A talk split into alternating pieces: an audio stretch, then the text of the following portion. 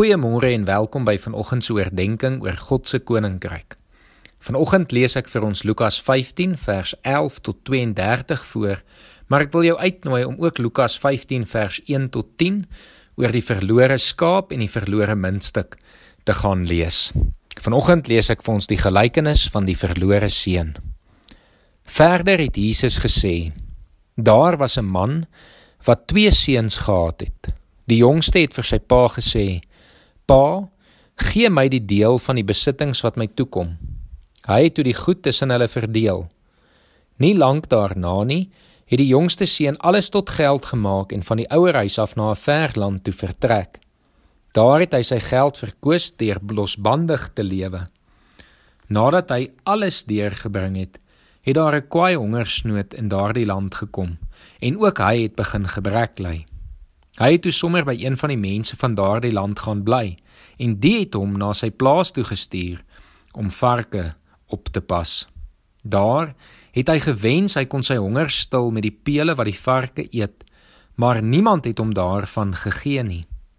Toe kom hy tot inkeer en sê: My pa het wie weet hoeveel dagloners en hulle het almal oorgenoeg kos en hier vergaan ek van die honger.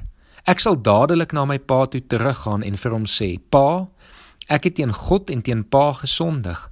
Ek is nie meer werd om pa se seun genoem te word nie. Behandel my soos een van pa se dagloners." En hy het sonder versuim na sy pa toe teruggegaan. Toe hy nog ver aankom, het sy pa hom al gesien en hom innig jammer gekry.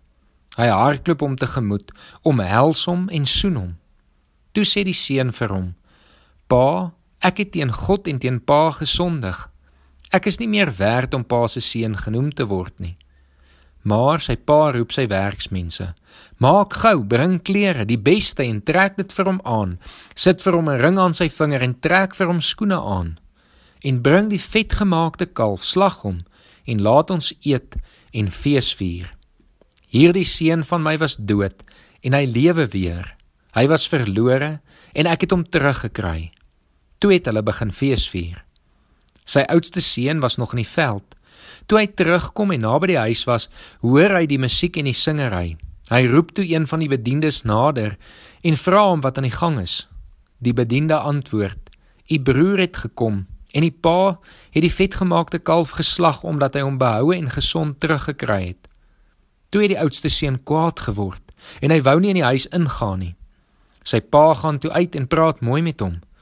Maar hy antwoord: "Kyk, al die jare werk ek soos 'n slaaf vir pa. Nog nooit het ek 'n opdrag van pa verontagsaam nie. En vir my het pa nog nooit eers 'n bokkie gegee sodat ek saam met my vriende kan feesvier nie.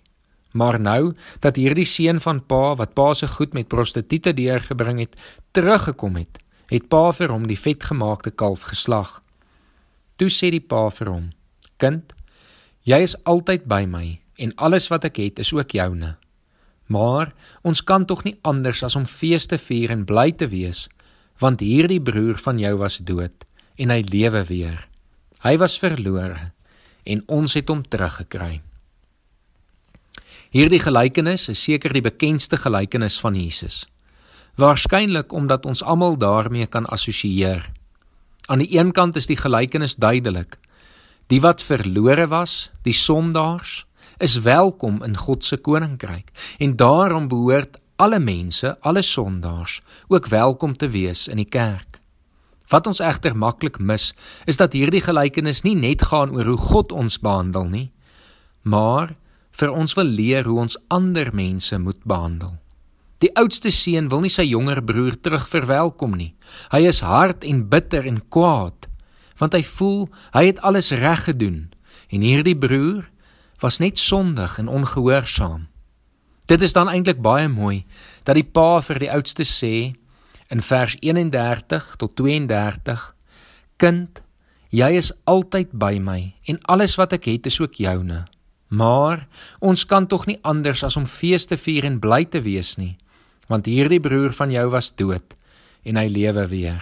Hy was verlore en ons het hom teruggekry. Met ander woorde, die oudste is ook die pa se kind en is ook deel van die koninkryk. En miskien maak hierdie eers sin as ons besef vir wie Jesus hierdie gelykenis vertel. Ons lees aan die begin van Lukas 15 dat Jesus met die tollenaars, sondaars en die fariseërs gepraat het. Die jongste broer verteenwoordig die tollenaars en die sondaars en die oudste broer die fariseërs. Jesus is dus baie duidelik dat almal welkom is in sy koninkryk. Daarom moet ons soos die Pa optree en sondaars sowel as fariseërs in sy koninkryk verwelkom. Vanoggend wil ek jou vra om na te dink oor jou eie lewe en hoe jy mense behandel. Wie moet jy dalk vergewe en moet jy wie moet jy terug verwelkom in God se koninkryk? Hoe lyk jou verhouding met medegelowiges in die geloofsgemeenskap en in die kerk? Met wie moet jy 'n verhouding gaan regmaak? Dalk voel jy dat een van hulle 'n verlore seun is wat verkeerd opgetree het en dinge gedoen het wat hulle nie moet nie.